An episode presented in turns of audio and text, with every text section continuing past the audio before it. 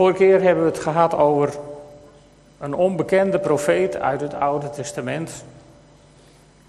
En vandaag hebben we het weer over een onbekende profeet uit het Oude Testament.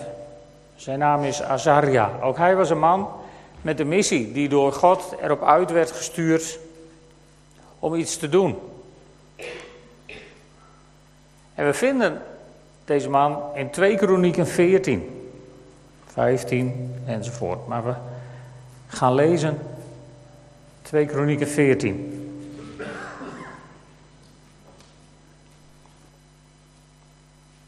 Twee Kronieken 14. Tijdens de regering van Asa heerste er tien jaar vrede in het land. Asa deed wat goed en juist is in de ogen van de Heer zijn God. Hij verwijderde uitheemse altaren en offerplaatsen, verbrijzelde de gewijde stenen en hakte de Asherah-palen om. Hij hield de Judeërs voor dat ze hun heil moesten zoeken bij de Heere, de God van hun voorouders, en zijn wetten en bepalingen moesten naleven. Uit alle steden van Juda liet hij de offerplaatsen en de wierookaltaren verwijderen. Onder zijn bewind heerste er rust en vrede in het koninkrijk. Doordat er rust en vrede heerste in het land en in die tijd geen oorlog tegen hem gevoerd werd, was Asa in staat in Juda vestingsteden te bouwen. De Heere had hem immers rust verschaft. Asa zei tegen de Judeërs, laten we vestingsteden bouwen omringd door muren met torens en vergrendelbare poorten. Nu behoort het land nog aan ons, want omdat wij ons heil hebben gezocht bij de Heer, heeft Hij ons rust verschaft aan onze grenzen. Zo begon men te bouwen en de werkzaamheden werden tot een goed einde gebracht.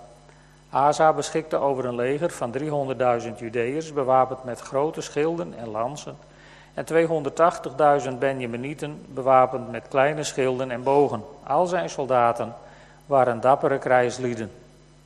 Na verloop van tijd viel de Nubiër Zerach het land binnen met een leger van duizend maal duizenden soldaten en 300 strijdwagens en rukte op tot aan Mareza. Asa ging hem tegemoet en bracht zijn leger in stelling in de vallei van Sefata bij Mareza. Hij riep de Heer zijn God aan met de woorden: Heer, er is niemand die hulp biedt zoals u, wanneer de machteloze het moet opnemen tegen een overmacht.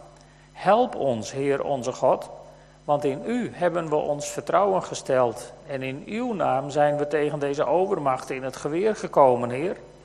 Onze God sta niet toe dat een mens zich met u meet. De Heer liet de Nubiërs tegen Asa en Juda het onderspit delven. De Nubiërs sloegen op de vlucht en Asa en zijn leger achtervolgden hen tot bij Gerar. Er sneuvelden zoveel Nubiërs dat hun leger tot niets meer in staat was. Ze werden door de Heer en zijn leger verpletterend verslagen. De Judeërs wisten een grote buit in de wacht te slepen. Ze veroverden alle steden in de omgeving van Gerar, die door de vrees voor de Heer waren bevangen en plunderden die, omdat er een rijke buit te halen viel. Zo overvielen ook de tenten van de veedrijvers en voerden een groot aantal schapen, geiten en kamelen weg. Toen keren ze terug naar Jeruzalem. Azaria, hier hebben we hem, de zoon van Odet, werd gegrepen door de geest van God. Hij ging Asa tegemoet en zei tegen hem: Asa en Juda en Benjamin, luister naar mij. De Heer staat aan uw kant, zolang u aan zijn kant staat. Als u hem zoekt, zal hij zich door u laten vinden. Maar als u zich van hem afwendt, zal hij zich van u afwenden. Lange tijd hebben de Israëlieten zonder de ware God geleefd, zonder priesters om hun wet, de wet uit te leggen, zonder onderricht. Pas in hun rampspoed keerden ze terug naar de Heer, de God van Israël. Ze hebben hem gezocht en hij heeft zich door hen laten vinden. Wie in die tijd naar Marafut buiten de deur zette, werd belaagd, want overal heerste ontreddering. Volken en steden raakten met elkaar slaags, omdat God hen tot ontreddering bracht door hen met allerlei rampen te treffen. Wees dus vastberaden en geef de moed niet op. Voor uw inspanningen zult u beloond worden. Gesterkt door deze woorden en door de profetie van de profeet Odet liet Asa onmiddellijk alle gruwelijke godenbeelden uit Juda en Benjamin verwijderen en ook uit de steden die hij in het bergland van Ephraim had veroverd. Hij herstelde het altaar voor de Heer tegenover de voorhal van de tempel. Hij ontbood heel Juda en Benjamin en ook de mensen uit de stamgebieden van Ephraim en Manasse en Simeon die als vreemdeling in zijn koninkrijk verbleven, sinds zij in grote getalen uit Israël waren gekomen en zich bij hem hadden gevoegd toen ze merkten dat de Heer zijn God hem bijstond. In de derde maand van het vijftiende regeringsjaar van Asa kwamen ze in Jeruzalem bijeen. Ze offerden die dag aan de Heer 700 runderen en 7000 schapen en geiten uit de buit die ze hadden meegebracht. Ze zwoeren dat ze zich met hart en ziel zouden richten naar de Heer, de God van hun voorouders, en dat iedereen die zich daar niet aan hield, jong of oud, man of vrouw, zou worden gedood. Met luide stem zwoeren ze trouw aan de Heer. Daarbij juichten ze en lieten ze de trompetten en de ramshoorns schallen. Iedereen in Juda verheugde zich over de eed die ze hadden afgelegd. Ze hadden, allen uit, of ze hadden uit volle overtuiging gezworen en zochten met heel hun hart de Heer. En hij liet zich door hen vinden en verschafte hun rust aan al hun grenzen. Asa ging zelfs zo ver dat hij zijn grootmoeder Maaga het koninklijke, de koninklijke titel ontnam, omdat ze een aanstootgevend beeld van Asherah had laten maken. Het beeld hakte hij in stukken en hij verpulverde de resten en verbrandde die in de bedding van de Kidron.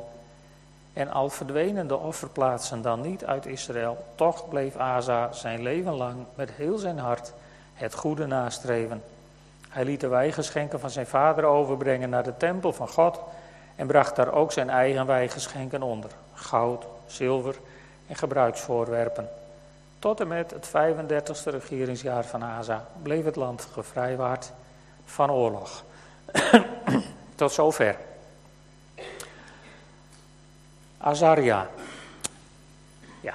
Azaria betekent de Heere helpt. Azar is het woord wat bijstand of ondersteuning betekent. En we weten dat hij de zoon was van Odet. Dit is alle informatie die de Bijbel over hem geeft. Nou hoop ik dat jullie dit kunnen zien. Uh, hetzelfde schemaatje van vorige week. Het noordelijke rijk, het zuidelijke rijk en de profeten. En Asaria vinden we hier. Semaja vorige week en nu zijn we een tiental jaren verder. Komen we terecht bij Azaria. En wat gebeurde er in zijn tijd?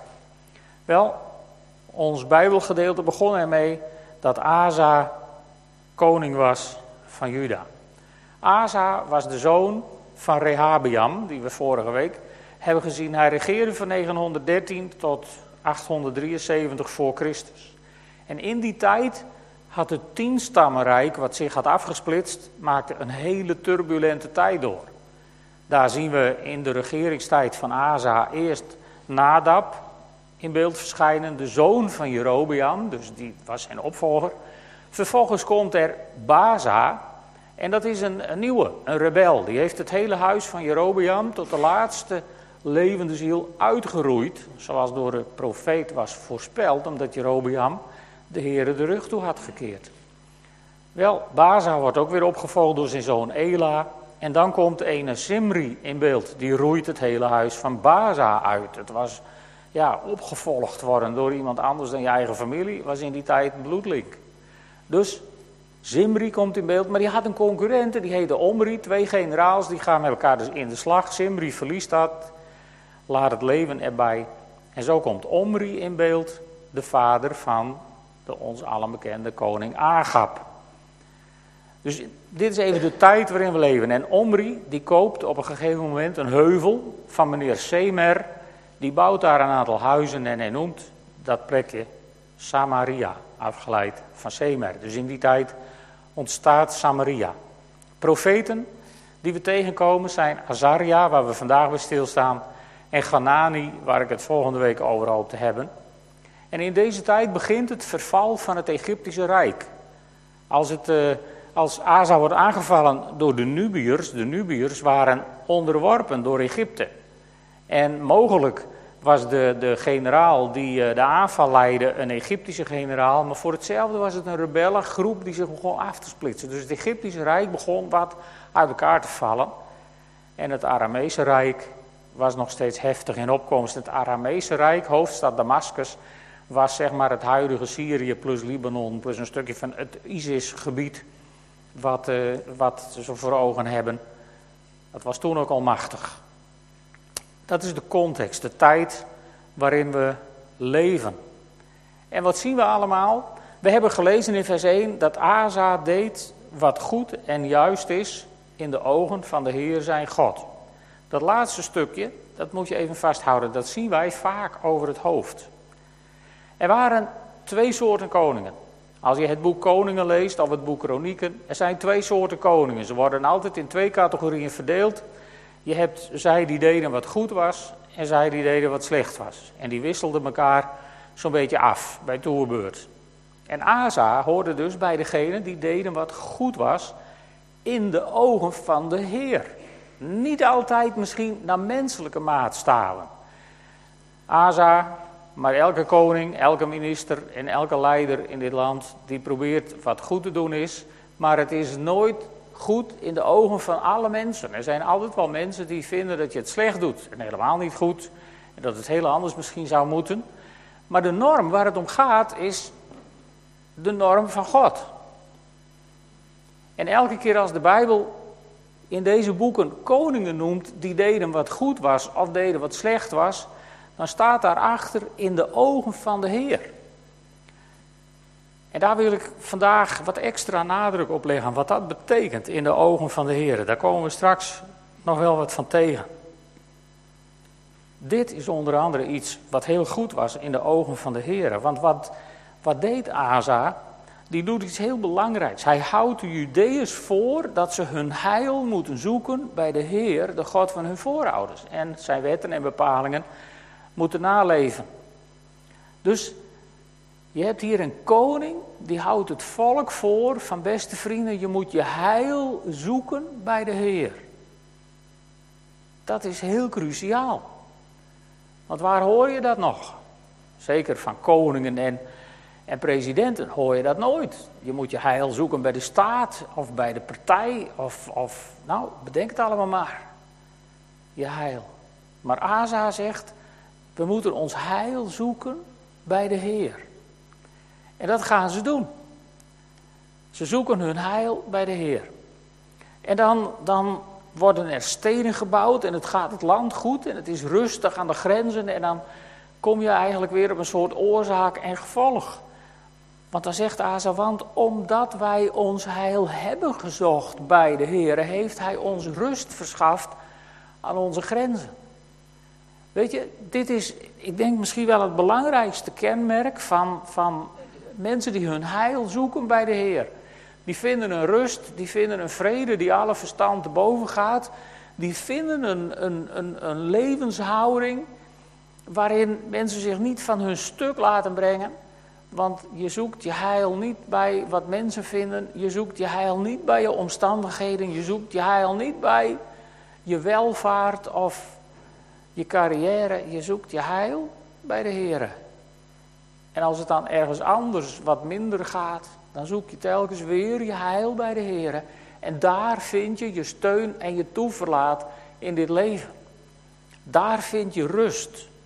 Rust aan je grenzen. Dat betekent dat de vijand niet de kans krijgt om bij je binnen te komen. Als je je heil zoekt bij de Heer, dan zet Hij als het ware zijn koepel van bescherming over je heen. En de vijand kan je niet benaderen. Dat wil niet zeggen dat het altijd koek en ei is in je leven. Want na verloop van tijd viel de Nubiër Zerach het land binnen. Met een leger van duizend maal duizenden soldaten. Nou, als het in het Hebreeuws zo wordt omschreven, dan hadden ze er in het Hebreeuws gewoon geen telwoord voor om de massa aan te geven. Maar neem van mij aan, dat waren er onnoemelijk veel. Duizend maal duizenden. Niet te tellen. Daar kwam het op neer. En dan moet je eens kijken, dan gebeurt iets heel bijzonders. Want dan roept Asa de Heer zijn God aan, staat er in, in dit stuk wat we hebben gelezen. En dan moet je eens kijken wat hij zegt tegen God. Heer, er is niemand die hulp biedt zoals u, wanneer de machteloze het moet opnemen tegen een overmacht. Eerst die beleidenis naar God toe. Er is niemand zoals u. Of er is niemand die hulp biedt zoals u. Met andere woorden, waar zouden we anders heen moeten dan naar u? Het tweede is, ik ben machteloos. Ik kan het niet. Dat ligt hier ook in. Want als hij het heeft over de machtelozen, neem van mij aan, heeft hij het over zichzelf en zijn leger. Dus, heren, er is niemand zoals u. Ik ben machteloos. Ik kan het niet. Want ik moet het opnemen tegen een overmacht. Met andere woorden, er was wel degelijk heel veel respect voor de vijand. Dan moeten we de vijand niet vereren, maar respect hebben voor de vijand, ook de vijand in de geestelijke gewesten om ons heen. Respect voor de vijand is zeker op zijn plek. Want het is vanuit ons mensen gezien een overmacht van kwaad waar we tegenover staan. En, en als je vandaag de dag de wereld overziet, dan kan je dat gevoel van die overmacht van het kwaad ongelooflijk bekruipen. We zijn er van de week als Nederland van heel dichtbij mee geconfronteerd. Een of andere onverlaat die zomaar een vliegtuig met 300 onschuldige vakantievierende mensen uit de lucht schiet. Weliswaar misschien per ongeluk, maar toch. En mensen die er vandoor gaan met de buit die vervolgens uit de hemel op hun akkertje is gevallen. En je kunt daarvan vinden wat je wilt. Het is kwaad, het is het boze wat deze wereld in zijn greep lijkt te krijgen. Dat is alleen dan nog maar een stukje van Oekraïne. Maar als je kijkt naar Syrië, Irak, Afghanistan, de Arabische wereld, waar, waar mensen massaal elkaar uitmoorden en waar je de indruk hebt van het lijkt alleen maar te gaan om destructie, vernielen en vernietigen. En als je kijkt naar wat er in Israël momenteel gebeurt, een land wat voortdurend wordt aangevallen met raketten, volkomen zinloos, alleen maar bedoeld om te vernielen en te vernietigen. En als je kijkt naar Afrika, naar Soudaan, waar miljoenen kinderen de komende weken, maanden dreigen te sterven van de honger, omdat er oorlog is gevoerd. En niet oorlog, zeg maar zoals wij dat kennen, maar oorlog tegen de oogst, tegen de boeren die hun land niet hebben kunnen inzaaien, zodat er nu niet te eten is. Het is alleen maar destructie, vernietiging. En het vraagt volgens mij niet zoveel fantasie om te begrijpen welke machten daarachter zitten. En dat is een overmacht van kwaad, waardoor je als gelovige helemaal in je schulp zou kunnen kruipen en kunnen denken van, ja, wat geeft het nou als ik daar nog over nadenk of naar kijk of misschien zelfs wel voor bid? Wat geeft het nou? Nou, dan moet je even kijken naar, naar koning Asa. Die zegt, Heer, er is niemand die hulp biedt zoals u. Wanneer de machteloze, met andere woorden, ik kan, er, ik kan er niks aan doen. Ik kan er niks mee. Het gaat mij ver te boven. Wanneer ik het moet opnemen tegen die overmacht, dan wordt het niks. Maar Heer, u bent iemand die hulp biedt. En, en dan moet je eens opletten wat er gebeurt. Ze verslaan dat machtige leger op een verwoestende wijze. De Bijbel zegt, ze zijn, ze zijn nooit meer in staat geweest om ook maar enige oorlog te voeren, die Nubiërs. Zo, zo verpletterend worden ze verslagen. En dan staat het zo mooi in de Bijbel. Dan staat daar niet dat het leger van Asa met hulp van de Heer de Nubiërs versloeg. Maar wat staat er? Het, het is, soms moet je in de Bijbel die subtiele zinnetjes even, even onderstrepen dat het je opvalt. Er staat, ze werden door de Heer en zijn leger verpletterend verslagen. Asa en zijn leger die mochten alleen meedoen aan het feestje. Maar het was de Heer en zijn leger die de vijand verpletterend versloeg. En weet je, als sta je in je leven tegen nog zo'n grote overmacht en al heb je het gevoel dat de afgrond zich onder je opent en dat je denkt van nu is het over. Dan is er maar één weg waar je naartoe kunt. En dat is naar de Heer. En zeggen, Heer, er is niemand die helpt zoals u. Want ik weet het niet meer tegen deze overmacht. En dan is het de Heer en zijn leger. Die de vijand verpletterend verslaat. Dat is de God die wij dienen. Dat is de God op wie wij ons vertrouwen mogen stellen. Heer, er is niemand zoals u. En God bewijst dat. God geeft Asa hier een geweldige overwinning.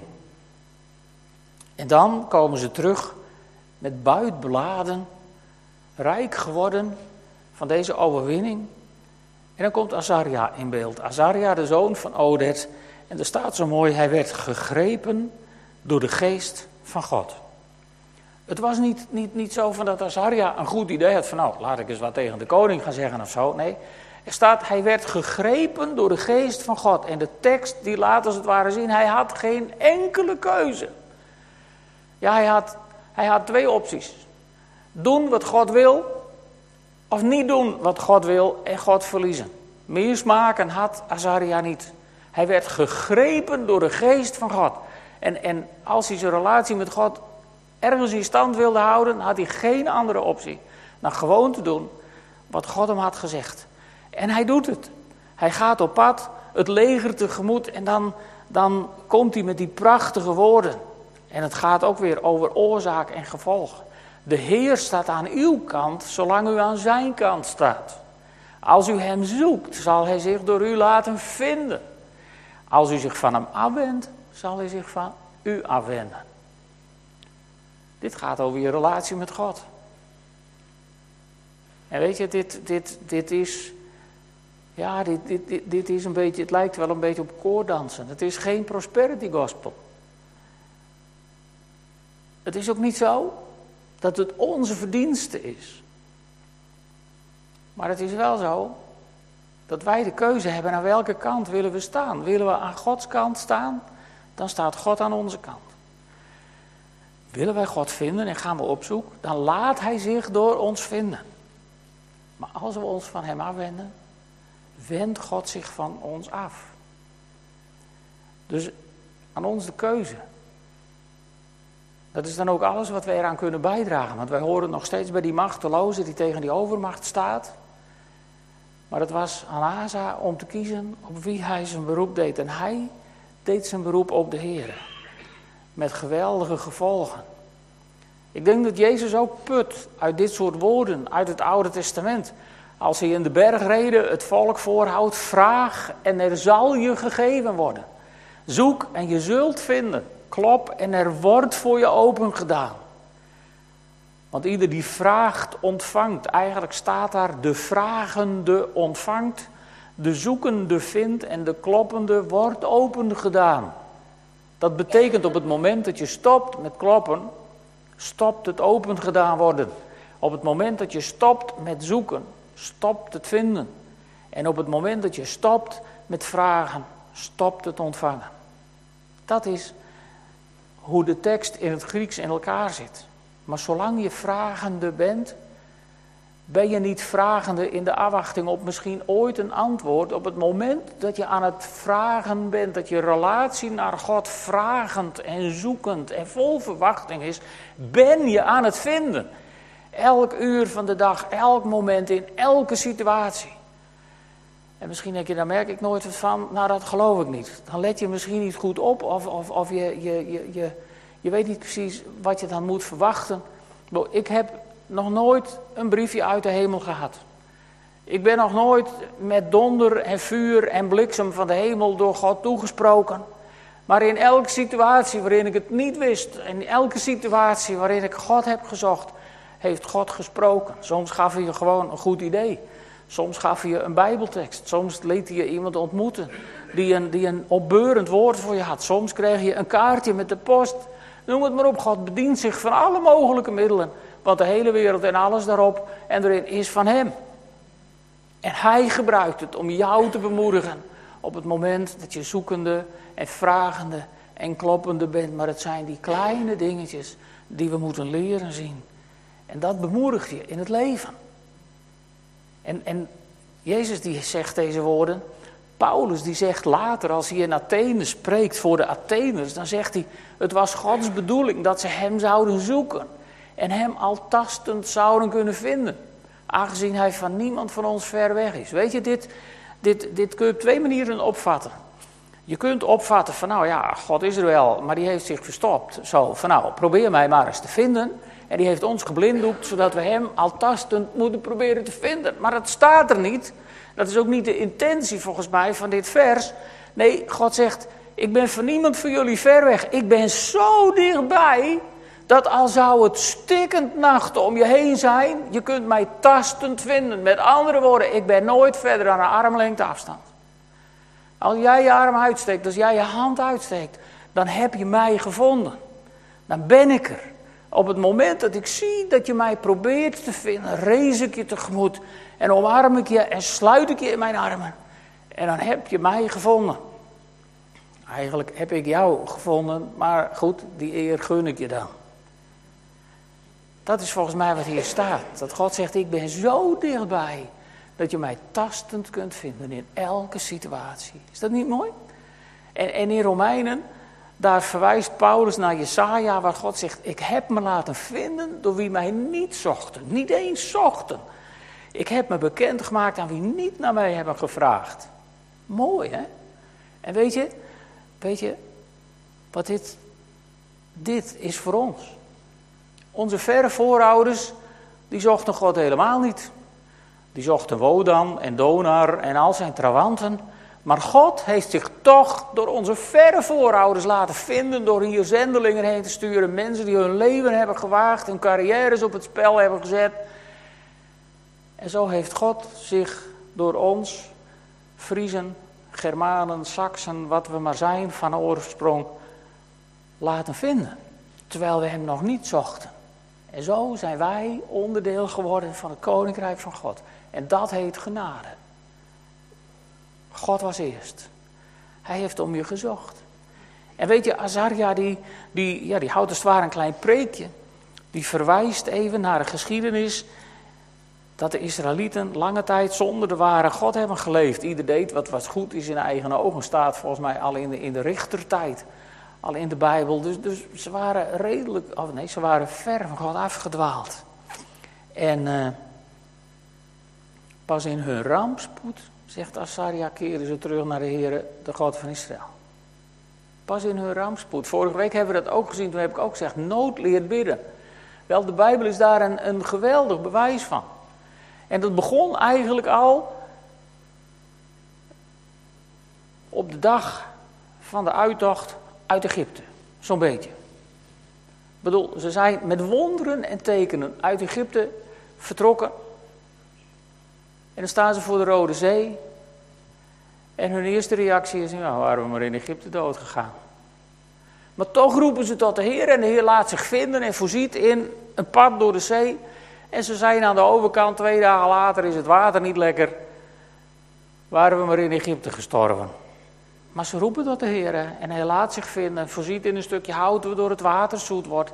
En zo gaat het de hele woestijnreis door.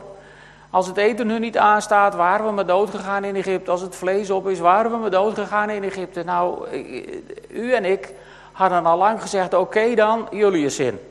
Maar God niet. Elke keer als ze God zochten, liet God zich vinden. En dan zijn ze koud in het land van hun belofte aangekomen.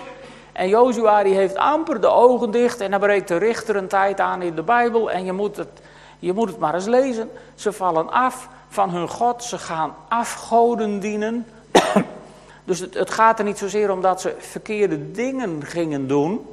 Wij focussen vaak op hele individuele dingen, maar je moet de grote lijn zien. Ze gingen afgoden dienen. Daar had God ze expliciet voor gewaarschuwd dat hij dat niet zou pikken. En doordat ze afgoden gingen dienen, raakten ze in de ellende. Want omdat ze hun heil zochten bij de Heer, was er rust aan hun grenzen. Maar als je je heil zoekt bij anderen dan de Heer, dan kun je die rust aan je grenzen vergeten. Maar elke keer roepen ze tot God en voorziet God in een richter die het voor hun een tijdje oplost. En de richter is dood en het volk vervalt weer naar andere goden. En na de richter een tijd komt er dan een tijdje een beetje rust met, met, met David en Salomo. Maar zelfs Salomo importeert zijn vreemde vrouwen en gaat hun goden dienen. En begint de ellende weer opnieuw. En de hele koningen en kronieken, zeg maar, die, dat verhaal wat in die twee boeken staat, is telkens weer dat verhaal. doen wat slecht is in de ogen van de Heer. En dat ging er niet om dat ze af en toe wat verkeerde dingen deden. Dat ging erom dat ze andere goden gingen dienen. Ze komen in ellende. En ze roepen tot de Heer. En God voorziet in een koning die weer doet wat goed is in de Heer. De genade van God moet grenzeloos zijn. Want anders zou het Oude Testament heel anders zijn afgelopen dan het is afgelopen. Daar was het elke keer weer God. In hun rampspoed keren ze terug naar de Heer, de God van Israël. Ze hebben hem gezocht. En wat staat er dan? Hij heeft zich door hen laten vinden. Het is alsof God één grote passie heeft, zich laten vinden door mensen. Ongeacht wat ze hebben uitgevreten, ongeacht hoe ze, hoe ze hebben gezondigd en wat ze allemaal verkeerd hebben gedaan. God heeft één passie gevonden worden door mensen die op zoek gaan naar Hem. En dan zegt Azaria, die zegt in vers 7, dan zegt hij, wees dus vastberaden, geef de moed niet op en voor je inspanningen zul je worden beloond. Wees vastberaden en geef de moed niet op. Voor je inspanningen zul je worden beloond. En dan staat er gesterkt door deze woorden en door de profetie van de profeet Odet liet Asa zich onmiddellijk alle gruwelijke beelden verwijderen. Eerder uit het boek heb je de indruk dat hij dat al had gedaan, maar kennelijk nog niet genoeg, dus komt de volgende zuiveringsronde. Voor de goede lezer staat hier ineens iets, iets bijzonders. De profeet Odet. In plaats van de profeet Asaria. Dat is vermoedelijk een schrijffout. Want in de Syrische versies en in de Septuagint en in de Vulgaat, dus de eerste Latijnse vertaling van, het, van, de, van de Bijbel, daar staat de profeet. Of Azaria, de zoon van Odet, staat daar. En zo is het ook in de NBG, in de Groot Nieuwsbijbel, in de New International Version. Dus een aantal Bijbelversies die hebben het over Azaria, de zoon van Odet. En een aantal versies, maar goed.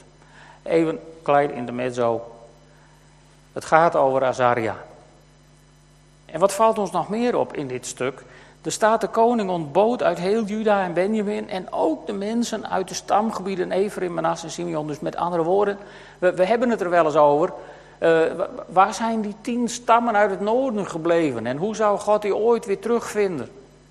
Nou, sec genomen hoeft God die helemaal niet terug te vinden, want al die tien stammen die waren vertegenwoordigd in het koninkrijkje wat wij Juda noemen.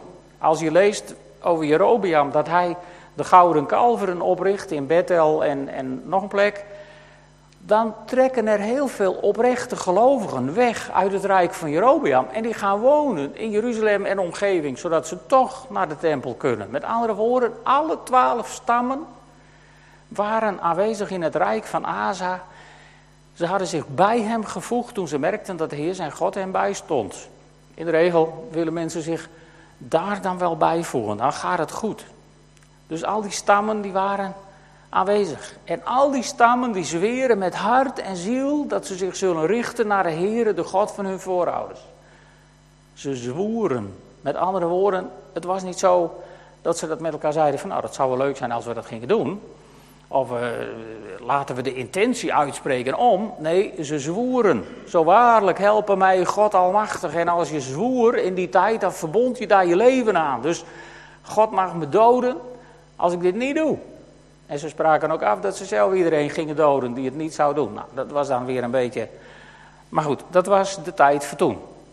Gelukkig doen we dat tegenwoordig. In ieder geval niet meer fysiek, maar met woorden soms zijn we niet zoveel anders dan de mensen in deze tijd. Ze zwoeren dat ze dat zouden doen, weet je. En dan zijn we weer bij diezelfde koppeling waar ik vorige week even heb stilgestaan uit Lucas 10. De wetgeleerde antwoorden. Heb de Heer uw God lief met heel je hart, met heel je ziel, met heel je kracht en met heel je verstand. En als je dat doet, zou je zeggen, er is niks meer over. Maar als je God zo lief hebt, ga je houden van je naaste omdat God houdt van je naaste. Dan gaat, dan gaat de geest van God, dan gaat de gezindheid van God, die gaat bij je binnenkomen. En die gaat je leven sturen en die gaat je leven bepalen. Dat is onontkoombaar. En uh, Iedereen in Juda, staat in vers 15, verheugde zich over de eed die ze hadden afgelegd. Ze hadden uit volle overtuiging gezworen en ze zochten met heel hun hart de Heer. En hij liet zich door hen vinden en verschafte hun rust aan al hun grenzen. Dus een samenvatting van de preek. Van, van deze twee hoofdstukken. Dit is hoe het werkt. Als je blij bent met God, als je God zoekt met heel je hart en je helemaal overgeeft aan God, dan gaat ook God voor je zorgen. Echt heel bijzonder. En dan staat er in vers 17, al verdwenen de offerplaatsen dan niet uit Israël, met andere woorden, ze waren dus na twee rondes nog niet allemaal weg. Toch bleef Asa zijn leven lang met heel zijn hart het goede nastreven. En weet je, waarom deed hij nou wat goed is in de ogen van de Heer?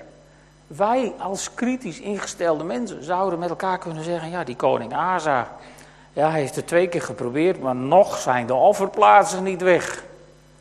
Nee, er is altijd wel wat aan te merken als je dat wilt. Maar hij bleef met zijn hart het goede nastreven. En weet je, nu komen we bij de kern waar het God om gaat. Om je hart. Asa streefde met zijn hart het goede na. En daarom deed hij wat goed is in de ogen van de Heer. Want God zag zijn hart. En we, we, kennen die tekst uit, uit 1 Samuel 16, vers 7, waar Samuel een koning moet zalven in plaats van Saul. Jullie kennen misschien het verhaal. En dan, dan komt de eerste zoon van Izzy, een prachtige, grote, reizige gestalte. En Samuel die heeft de horen met olie al te pakken, maar die denkt, nou dit zal wel zijn, een kanjer. En zegt God, uh, uh, niet deze. Het gaat niet om wat de mens ziet, zegt God daar tegen Samuel. De mens kijkt naar het uiterlijk, maar de Heer kijkt naar het hart. En in het kijken naar het hart had God iemand anders op het oog. Iemand in het gezin van Isaïe zo ondergeschikt, zo ondergewaardeerd, zo afgewezen misschien wel, dat hij niet eens was uitgenodigd voor het feestje met de profeet. Izzy had al zijn zonen geroepen, maar deze ene niet. Dat blijft een raadsel waarom deze ene niet. En die wordt koning. Als man nog als hart. Als voorvader van Jezus Christus. Het gaat niet om wat de mens ziet.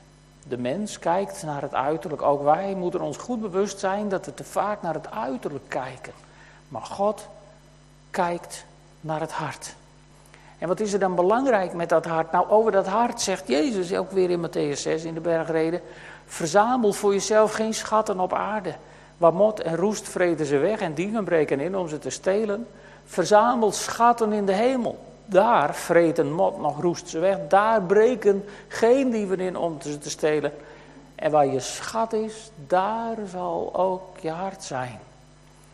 Met andere woorden, je, je hart verraadt als het ware waar je schat is. En nou kom ik even terug op het feit waar het God om gaat. Niet altijd zozeer om, om individuele dingen.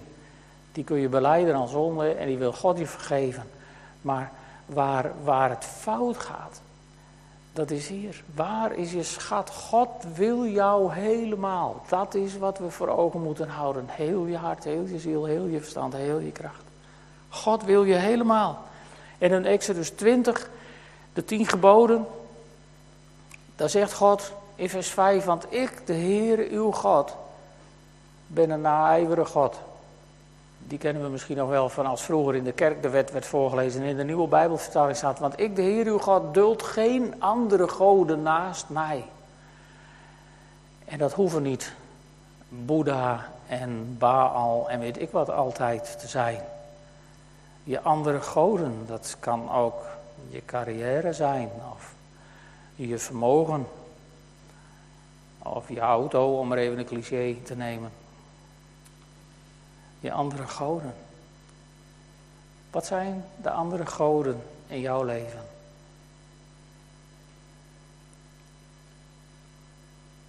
Als iemand nu tegen je zeggen, zou zeggen van,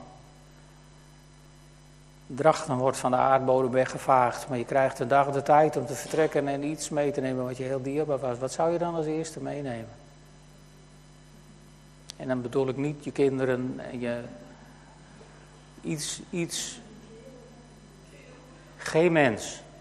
Wat zou je als eerste meenemen? Is dat misschien, is dat misschien de God in je leven die te veel de plek inneemt van de plek die God wil? Weet je, want God wil jouw schat zijn. En als God jouw schat is, dan is je hart bij Hem. Als God jouw schat is, is je hart bij Hem. En als je hart ergens anders is, of als iets anders je schat is, is je hart ook ergens anders. En daar wordt God niet vrolijk van, om het heel zachtjes te zeggen. God duldt geen andere goden naast zich. God is een jaloers God. Hij wil de absolute topprioriteit zijn in je leven. En als God de absolute topprioriteit is in je leven, en als je je heil zoekt bij de Heer, woorden van Asa, dan verschaft Hij je rust aan je grenzen. Zullen we gaan staan en samen bidden?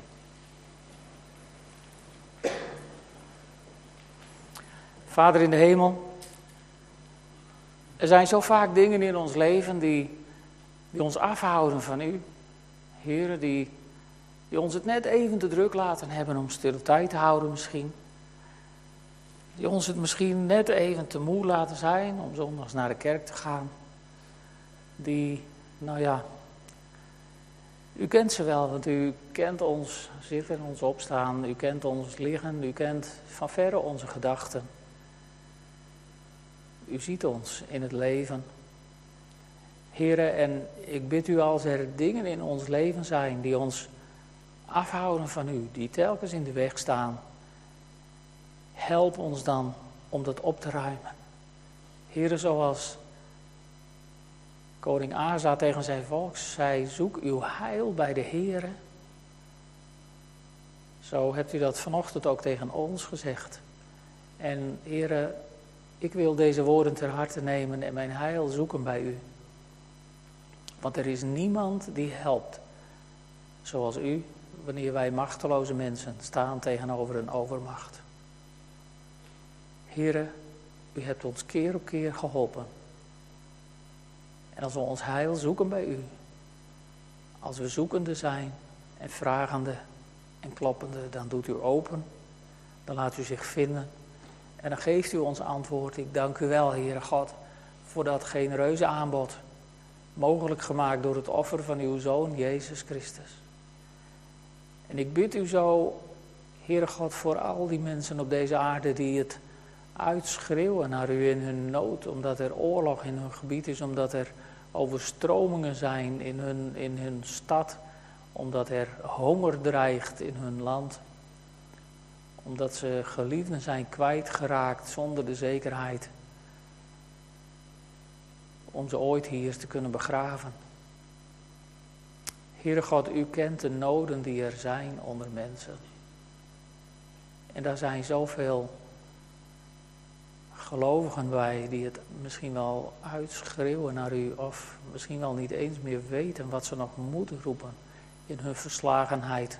En Heere, vandaag bid ik Kom ze tegemoet.